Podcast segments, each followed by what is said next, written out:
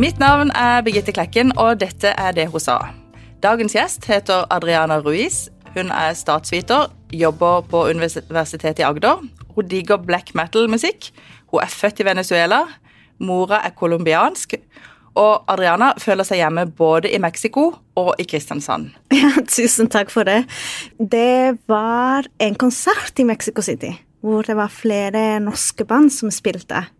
Eh, blant annet et band fra Vennesla som heter eh, Trail of Tears. Som, eh, som spilte, og da var det en veldig kjekk kar som, som sang veldig ekstreme typer vokaler. Og vi ble etter hvert kjent med hverandre, vi ble gode venner. Og ja, begynte å date litt på avstand, da. Men Hvordan klarte du å få kontakt med denne norske musikeren? Eh, jeg kom til lobbyvaren og så spurte om jeg kunne spandere han en øl, og jeg tror det var Winners. Vanligvis er det andre veien. Eh, så nei, vi prata jo de hele kvelden etter konserten. Vi ble godt kjent med hverandre, og da han reiste tilbake til Norge, så holdt vi kontakt med e-post, og, og, vi ringte til hverandre ganske ofte. Og så bestemte jeg meg for å reise hit da, for å besøke han.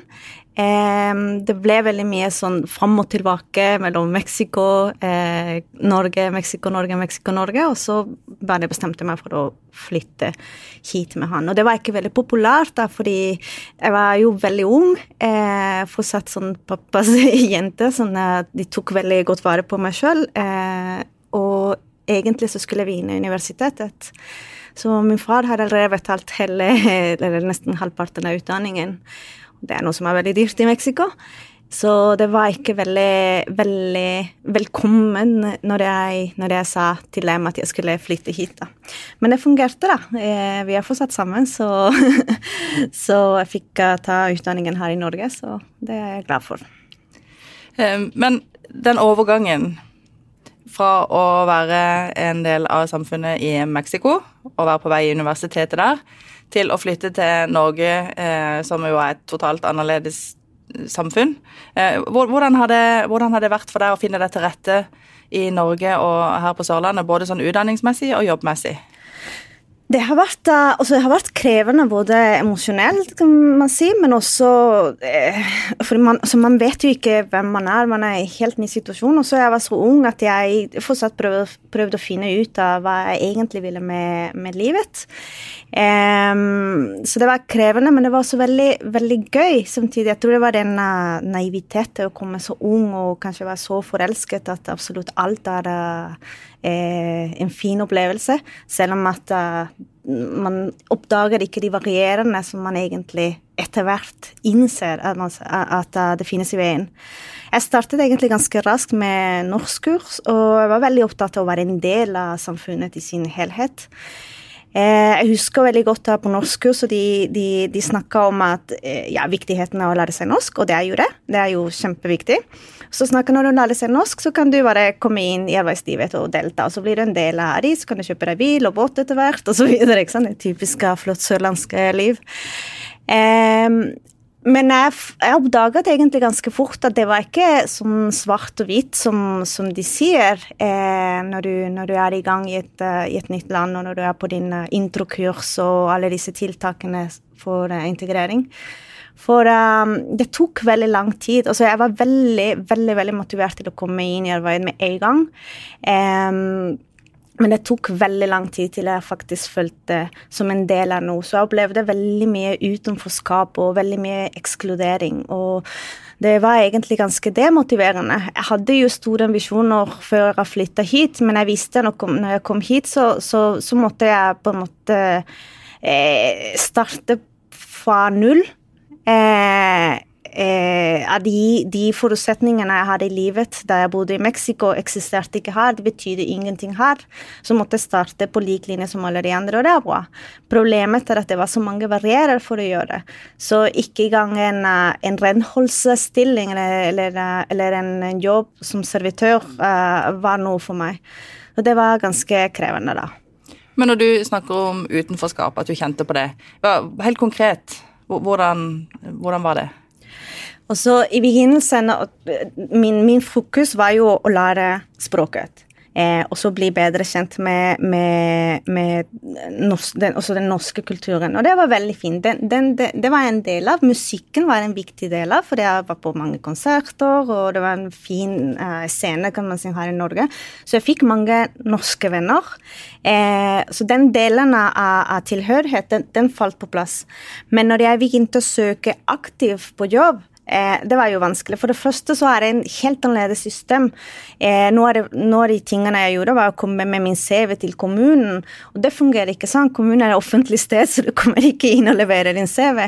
Og det er ting som vi, vi som kommer fra andre verdensdeler, er ikke nødvendigvis klar over. Så en del av prosessen er å lære seg eh, de de, de elementene som er annerledes enn hvor vi kommer fra.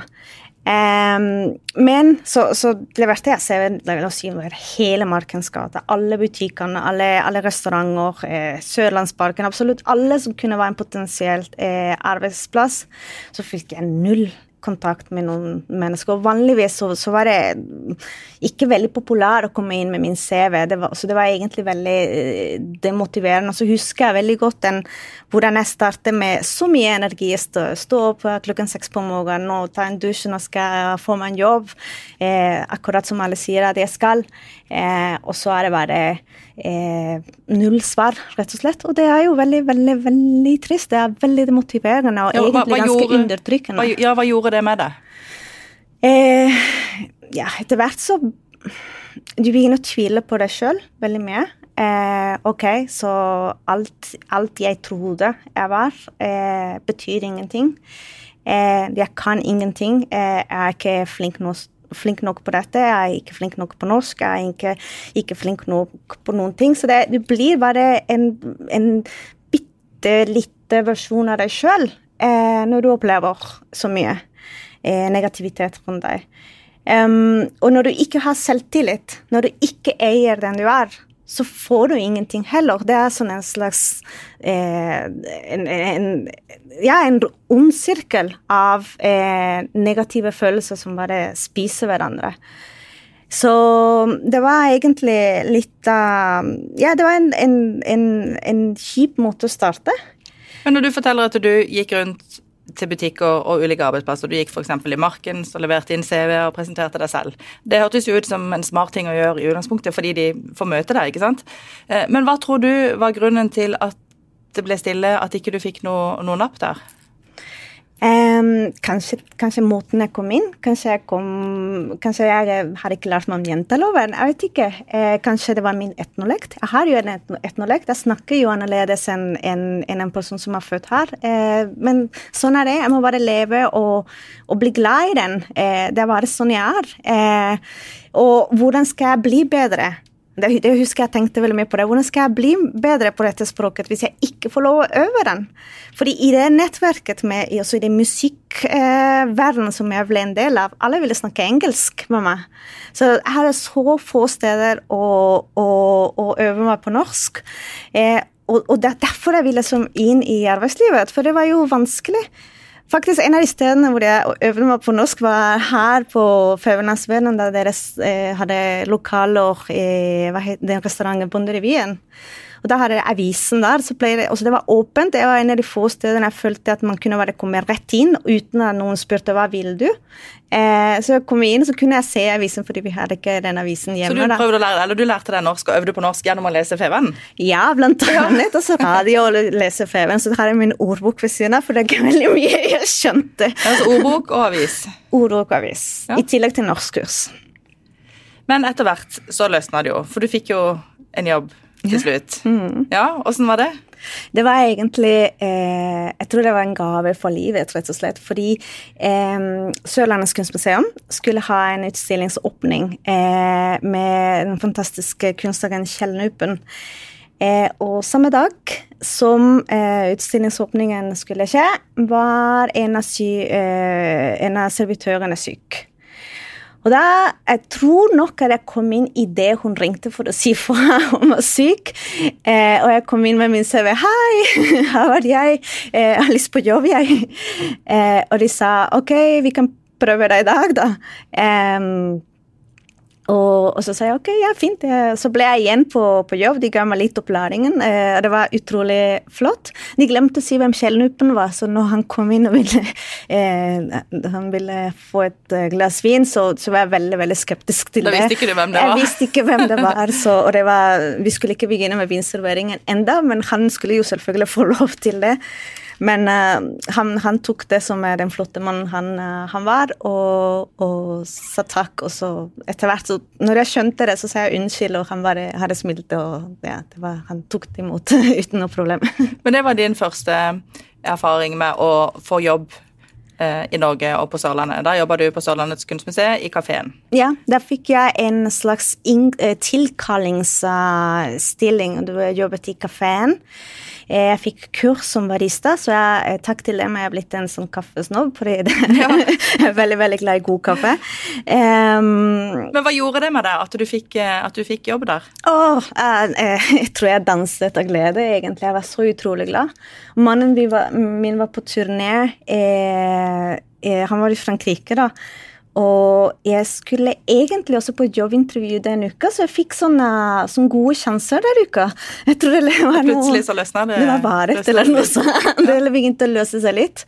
Så, så jeg hadde sagt til han at jeg skal på et intervju. Eh, og når jeg sendte meg jeg har fått jobb, så jeg tror jeg har fått jobb eh, det stedet hvor jeg, hvor jeg, skulle på intervju, men det var et annet sted. Og det var veldig, veldig fint.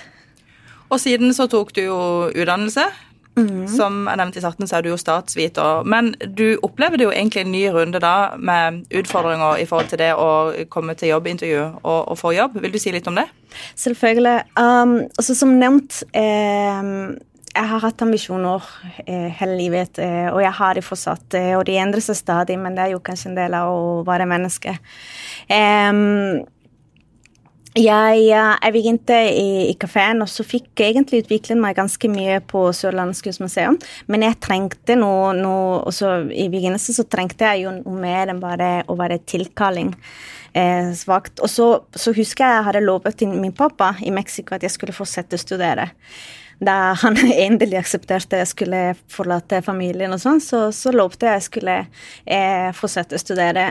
Um, når jeg begynte å jobbe på en liten pub her i Kristiansand, så begynte jeg å oppleve ganske mye eh, Ja, ganske mye andre form for diskriminering. For det var, også jeg var inne i arbeidslivet, men jeg begynte å få litt sånn Det er typisk etter klokken tolv eh, at du går fra å være den som serverer øl, til, til den som de ønsker å ta med seg hjem. Og så kom det mange sexistiske Eh, ja, tilbakemeldinger om meg, og det var ikke fint i det hele tatt. Men tror du det henger sammen med at du har en annen bakgrunn? At det er lavere terskel hos noen for å gå over grenser? Ja, også eh, kvinner, innvandrere Kvinner, ikke sant. Innvandrer, eh, jobber i uteliv, eh, alkoholservering. Ja, så det er mange elementer, eh, det er mange elementer som, mm. som, spiller inn. Eh, og så var jeg jo ganske liten, ganske ung, ganske usikker, så det, det, det var det, det blir bare mer, mer, mer Men hva gjorde du da? Så jeg husker, nei, og så kom jo mange stygge kommentarer etter hvert. og Det var alltid etter klokken tolv. Og så før klokken tolv var det kjempefint, og så klokken tolv var var det, var det kjipt. Men jeg, jeg, jeg jobba på. Det var, det, var, det, var, det var, gøy å jobbe. Det var bra å føle seg som en del av. Jeg hadde penger til CD-er og sånn. eh, og så jeg begynte å spare penger også hvis jeg skulle reise hjem til Mexico og sånn. Men eh, en gang så pappa eh, og mamma kom på besøk, første gang de kom på besøk, og da ville de se hvor jeg jobba. Og de eh, Pappa sa jeg ser at alt er veldig fint, du har det bra, du er lykkelig, og det det er bra, eh, men du lovte du skulle fortsette å studere. Så da, eh, da begynte jeg å studere. Jeg måtte ta generell studiekompetanse.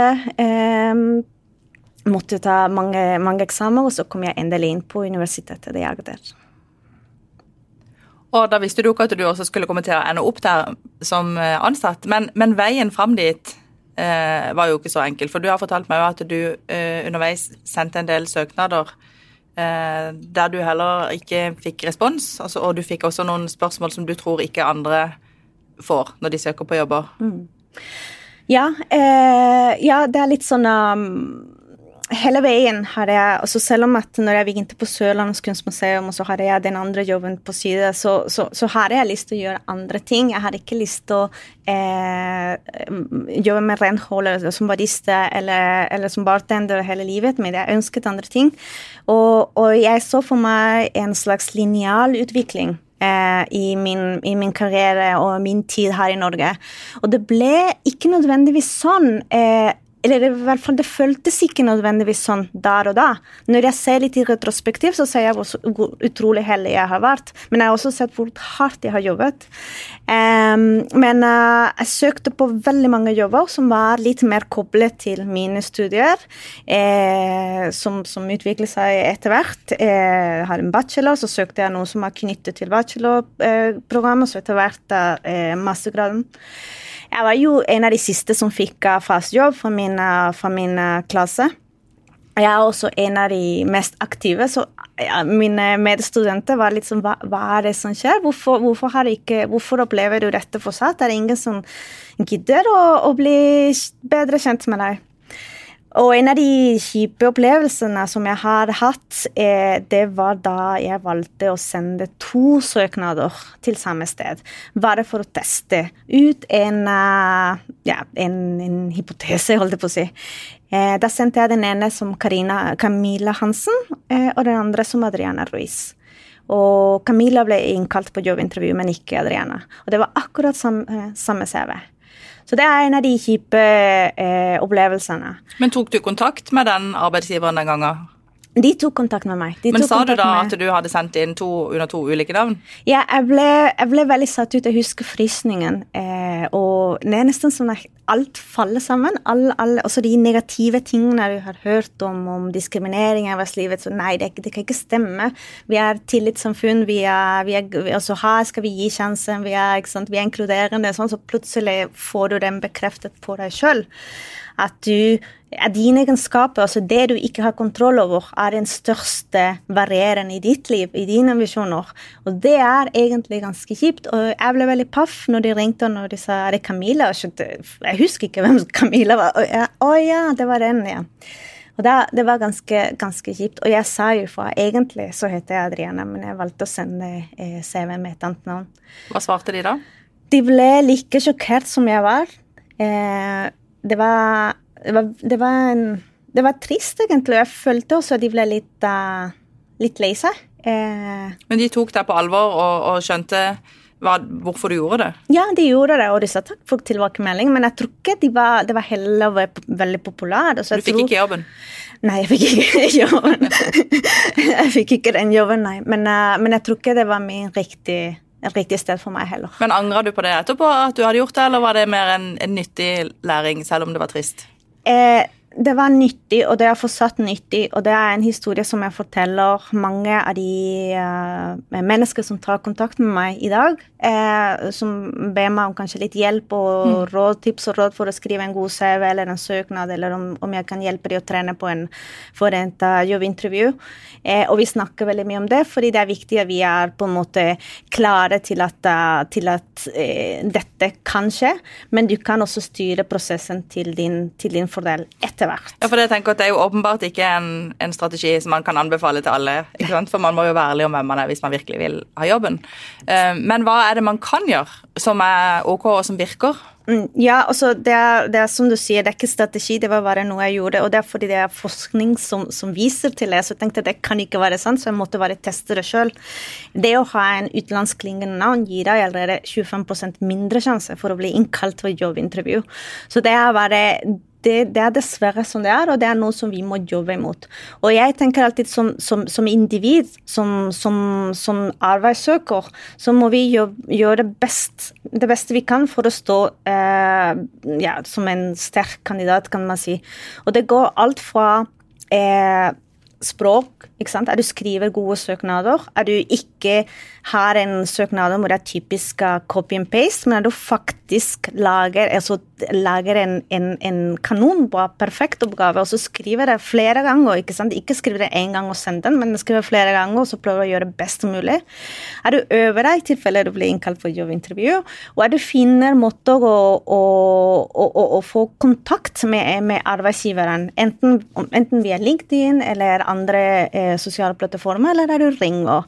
Det er på en måte enkelte personlige tiltak som man kan gjøre. Også det å, å, å komme hit med en utdanning fra et annet eh, verdensdel er ikke nødvendigvis like viktig her i Norge.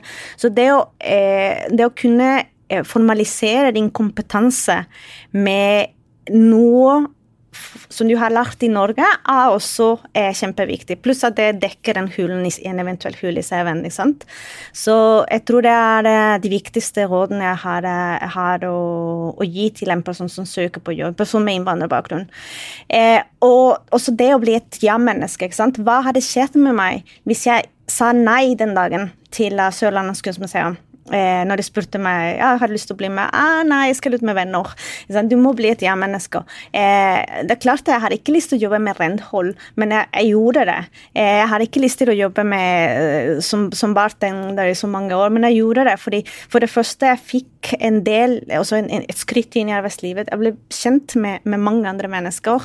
Eh, jeg, jeg, fikk utviklet nettverk etter hvert, og så, fikk jeg heldigvis også på Sørlandets museum et arbeidsgiver som satset på meg eh, he, langt hele veien. Jeg, jeg, jeg jobber jo der fra, eh, for barista, nei, fra, ja, varista, renhold, eh, så ble jeg teamleder, HR-rådgiver. Så de, har, de satset på meg under hele, hele karrieren min, og det er jo noe som jeg er ekstremt takknemlig for. Men jeg ble litt nysgjerrig på noe du sa i stad. For du sa at i Norge så er, det ikke, så er man ikke nødvendigvis så opptatt av å ha internasjonal arbeidskraft. Noe, noe i den duren, sa du. Eh, samtidig så snakkes det jo mye om at mangfold er viktig, og det er viktig for bedrifter å sikre seg ja, mangfold. Men, men hvorfor mener du at vi i Norge ikke er så opp, opptatt nok av det? Altså, jeg har ikke lyst til å si at vi, altså, vi i Norge er ikke flinke til, til, det, men at det finnes jo barrierer i arbeidslivet som, som, som, som skaper begrensninger for, for arbeidssøker. Og, og det, dette her handler om holdninger og antakelser om hva det innebærer å være annerledes. Eh, og det handler ikke bare om etnisitet arbeidslivet er tøft for alle, men det å ha en annerledeshet eh, kan være litt mer eh, vanskelig for deg. Det kan skape enda flere utfordringer for deg som arbeidssøker.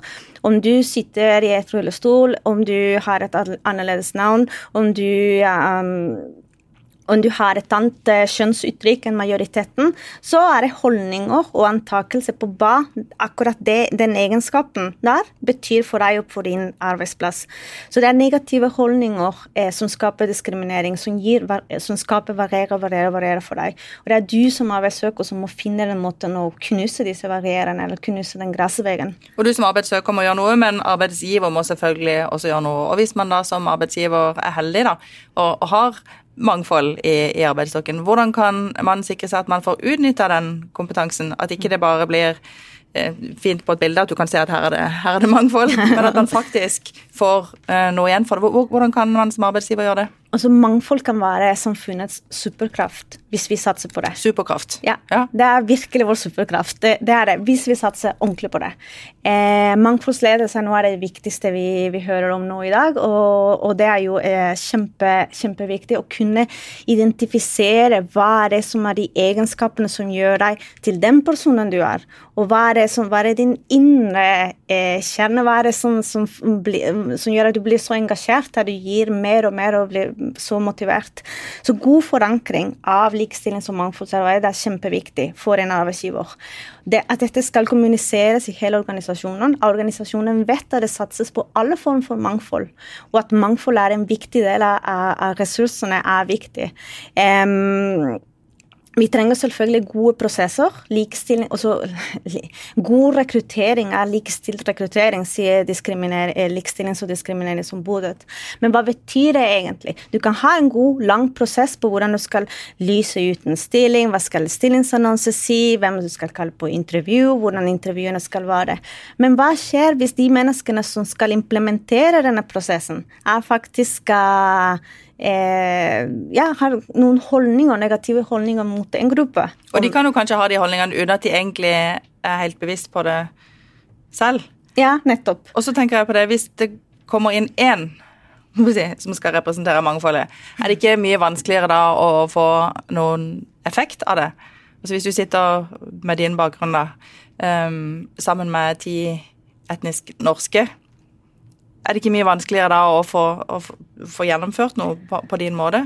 Ja, altså det blir litt altså Hva betyr egentlig mangfold? Var det noe som du kan se i, i, i det bildet som du nevnte i stad? Det handler litt om uh, hva, hvordan du skal bruke de ressursene. altså Mangfold med en person det er ikke nødvendigvis veldig mye å skryte av. Eh, så eh, det, da, da, får du egentlig ikke noe synergi og mer risiko for å bli litt sånn assimilert. Eh, ja, ikke sant? Så det er så for meg at det er fortere, kanskje. Ja. Også fordi at man som arbeidstaker ofte er litt opptatt av på en måte å passe, å passe inn ikke sant? Man vil jo gjerne det. Og det, det jo, kan jo være tungt å skille seg ut. Ja, absolutt. Det, er, det, kan være tungt å skille seg ut. Det kan være vanskelig å være annerledes. Og du mister jo også den eh, litt sånn kontakt med, med deg sjøl. Men samtidig også, det handler om at at jeg er annerledes og jeg ser annerledes ut, betyr ikke nødvendigvis at jeg er veldig annerledes enn en deg. Og så nå er det også, Jeg føler jeg, jeg, er så opptatt av norsk kultur og norsk musikk og sånn, og så, så, det er noe som du ikke forventet av meg hvis vi snakket over uh, lunsj, ikke sant. Eh, jeg tror det mangfold og den uh, innovasjons... Uh, muligheter som kommer med mangfold, handler litt mer om hvordan arbeidsgiveren satser på deg og din kompetanse, og hvordan du kan føle deg trygg i den, den personen du er, for å kunne gi best mulig til din organisasjon. Det øker litt også motivasjon og lojalitet, og det er der magien uh, kan skje. Du, eh, jeg er litt nysgjerrig på, på bakgrunnen din, eller på, eh, på, Mexico, faktisk. For det er jo et land som er eh, langt borte og veldig annerledes. Og jeg merker jo at du er ei dame som er opptatt av likestilling og jobb. Og, ja. eh, kan du fortelle meg litt om hvordan forholdene er der? Mm. Ja, forholdene er ikke veldig, veldig bra i Mexico akkurat nå når det gjelder eh, ja, når det gjelder likestilling, når det gjelder menneskerettigheter, så er det egentlig ganske, ganske alvorlig. Eh, samtidig så er vi en uh, vi er flotte, uh, flotte, mennesker som er, prøver å være glad og leve livet så, så, godt vi kan. vi har mange utfordringer i Mexico, det er ingen tvil. økonomiske, sosiale eh, når det gjelder kjønnslikestilling, når det gjelder eh, ja, stabilitet i landet, eh, egentlig hele, i hele regionen. Så, men samtidig eh, Jeg gleder meg til neste gang jeg skal reise dit. Jeg gleder meg til å kunne se familien min og komme hjem og lukte mammas fantastiske god mat. Og eh, jeg gleder meg til å kjenne på den varmen. Så, så selv om vi har egentlig ganske sterke også Vi går gjennom en ganske poli, turbulent politiske tid så, så, så er det også det er også et flott land som er verdt å, å besøke. Men når du kommer av flyet og kommer, kommer, ut og møter familien din. Uh, men kan, kan, ikke du beskrive for meg hva du, hva du ser rundt deg? Hvordan, hvordan, ser det ut? Hvordan uh, lukter det? hva, hva, ser og hører du rundt deg? Ja, Det er fantastisk. Så når jeg kommer ut på flyet, så eh, der er rett hjem. Eh, det første jeg gjør, er egentlig å ta en dusj, fordi etter nesten 18 timer på flyplasser og fly, så er det ikke eh, Det er definitivt det første jeg gjør. Eh, vanligvis så lager min mamma mat og har et par kalde pils i kjøleskapet som venter på meg. Eh, hun lager en fantastisk rett eh, som heter tinga. Det er min favoritt. Det er sånn en kyllingbasert eh, rett med masse avokado og sånn. Det er helt fantastisk spicy og sånn. Og så vin. For, også første dagen ble jeg bare kun med pappa og mamma. mange klemmer kommer, eh, vi prater, vi gråter, vi Ja, så vi, vi har det fint sammen. Og så vinner telefonen og ringer, og så folk, eh, min familie som ønsker å, å treffe meg. Og da jeg pleier å treffe dem dagen etterpå. Og det er bare det er et drøm å kunne, å kunne være med, med dem. Hvor viktig er familien i, i Mexico? Veldig viktig. Er det og, annerledes enn i Norge? Eh, det kommer også Uten å generalisere, det kommer an for, det, også fra familie til familie, men generelt sett så er det, det, er, det er stort. Familie er stort.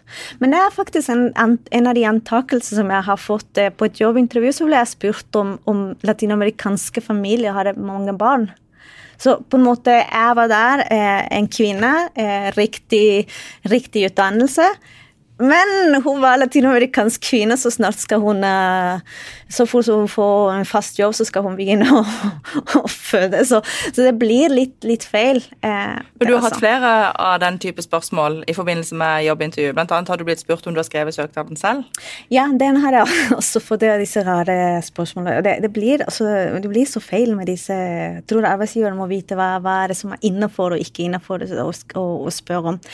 Jeg ble nemlig spurt om eh, De sa du er så flink til å snakke norsk. Og ja, tusen takk. Er det du som har skrevet søknaden? Jeg har skrevet søknaden, veldig stolt. Eh, fordi det var egentlig en veldig bra søknad. Eh, og så ble jeg spurt om, om Men er det du som har korrekturlest den? Eller så har du sendt den til, til en annen person til å, til å korrekturlese den. Der svarte jeg bare at eh, Vanligvis når du tar en, en, en, en sånn type prosess seriøst, så ber du noen om å, om å, sjekke søknaden din og se om det er noe, noe som mangler eller ikke. Ikke fordi jeg har eh, begrensninger på språket, men fordi jeg ønsket den jobben så, den jobben så mye at jeg ønsket å være, fremstå sterkest mulig. Også selvfølgelig, når du har skrevet flere hundre søknader, så blir det alltid en monoton. ikke sant? Jeg heter det og det, og jeg gjør det og det. Sånn, sånn det å ha en navn eh, ja, an, noen, noen, andre som leser for deg, og så sier du har glemt det viktigste. Det er ganske vanlig, ja. ja men, mm. men, nei, siden jeg var latina, så, så ble det bare andre antakelser. At det var min begrensning, at det var språk. Mm. Du, Adriana, vi har en fast post der man får lov å komme med noen råd. Og så har vi en post der man får lov å fremsnakke. Men uh, du har allerede kommet med noen råd. Men uh, har du lyst til å dele noen konkrete råd basert på erfaringen din? Ja. Jeg tror det viktigste jeg kan si, er at du som arbeidssøker som er annerledes, om det er pga. etnisitet eller et annet eh, eh, annerledeshet eh, så må du tro på deg sjøl og satse på deg sjøl. Du må gi det beste du kan, og ikke tillate at noen skal stjele den indre motivasjonen du har. Eh, du har kanskje eh, Det kan være vanskelig, disse dagene er vanskelig eh, med koronapandemien og sånn, men, men fortsett å, å, kjøre på. Eh, snakk med noen som, som, kanskje kan hjelpe deg å trene deg opp til jobbintervju hvis du blir innkalt på et jobbintervju. Og tro på deg sjøl. Satse på deg sjøl, investere i deg sjøl. Og hvis du skal fremsnakke noen som har vært viktig for deg, hvem vil du nevne da? Oh, det er så mange som er viktige for meg. Jeg er veldig glad i veldig mange mennesker. Eh, jeg har tenkt veldig mye på det disse to dagene. Eh, og jeg har lyst til å nevne Mette Gundersen, som er eh, gruppeleder for Kristiansand Arbeiderparti. Hun er en fantastisk sterk, tydelig og inkluderende kvinne som satser på så mange mennesker eh, samtidig. Uansett om det er fra samme parti eller andre partier, så, som satser på, på, på mennesker. Se hvem du er, og tydelig på deg, men også prøve å, å få den flammen inni deg til å, til å brenne. Og det er, det er veldig fint. Du, Adriana Ruiz, du har delt masse spennende og inspirerende ting med oss. Eh, og så må jeg bare spørre, for det, vi har opplevd det så mange ganger, jeg nevnte det sist gang òg, at når vi slår av mikrofonen, så kommer folk og forteller noe. åh, oh, det er så spennende, og det skulle vi så gjerne hatt med. Eh, men da er det liksom for seint. Er det noe du sitter og brenner inne med som du tenker at åh, oh, det har jeg lyst til å snakke om? Ja. Eh, faktisk. Det var gøy at du sa det. Eh, I helgen så traff jeg et par av mine latinamerikanske venninner. Hvor vi prata alle sammen om eh, dette med jobb, ikke sant. Eh, morsom nok, en av de som jeg traff, hun har vært i, i en rekrutteringsprosess hos meg da jeg jobbet på Sørlandet kunstmuseum for mange år siden. Og hun sa Eh, selv om hun ikke fikk den jobben, og hun ikke visste hvem jeg var, eh, og vi hadde kommunikasjon på, på norsk da. Eh, hun var veldig takknemlig for at hun fikk et, eh, et svar fra meg eh, som, som, representerte arbeidsgiveren. da, eh, Hvor jeg sa takk for din søknad. Det, var veldig mange kvalifiserte søkere. Du, du, kom ikke gjennom. Men hun følte det var en, en, en, riktig og rettferdig prosess. Det er noe jeg tar veldig mye stolthet på. Jeg ble veldig rørt. Jeg ble veldig glad å vite, å vite hun har fått en annen jobb, og hun har det kjempefint. Så, så, det ble jeg veldig glad for. Men det jeg ønsker å si, og jeg tror det, den grunnen til at jeg begynte å skrive om, om alt dette og også snakke om denne tematikken om diskriminering i arbeidslivet, det, det, er ikke for, å, det er ikke for å, at folk skal bli lei seg eller å ja, det er noen, enda en som kaller oss uh, diskriminerende. Men det er fordi jeg ønsker å bidra eh, til, at, eh, til, at, dette blir bedre. Det er flere mennesker som kommer seg i arbeid. Eh, så mitt, mitt, mitt utfordring eh, det er til arbeidsgivere å se de ressursene som ligger bak om det også, som ligger bak e-, egenskaper en ikke har kontroll og eh, måte å kontrollere. Og se, se, de ressursene der og satse på dem, og ikke bli redd for at noen har et annerledes navn, og ikke bli redd for at noen sitter i rullestol, eller ikke bli redd for at noen har et annerledes eh, kjønnsuttrykk. Vi er mennesker alle sammen, og vi fortjener en sjanse. Så ha gode prosesser og ha god kommunikasjon med de som ønsker å komme og jobbe for deg, fordi de ønsker å komme og jobbe for deg. Det er fordi de tror på din bedrift. Så da må du også tro litt på andre mennesker. Adriana Ruiz, tusen takk for at du kom til Federlandsvennens podkast Det hun sa. Tusen takk. Du har lytta til Federlandsvennens podkast Det hun sa med Birgitte Klekken. Har du tips til andre bra damer vi bør snakke med, eller har du lyst til å dele inspirerende erfaringer fra ditt arbeidsliv? Ta kontakt på dethosa1fun.no.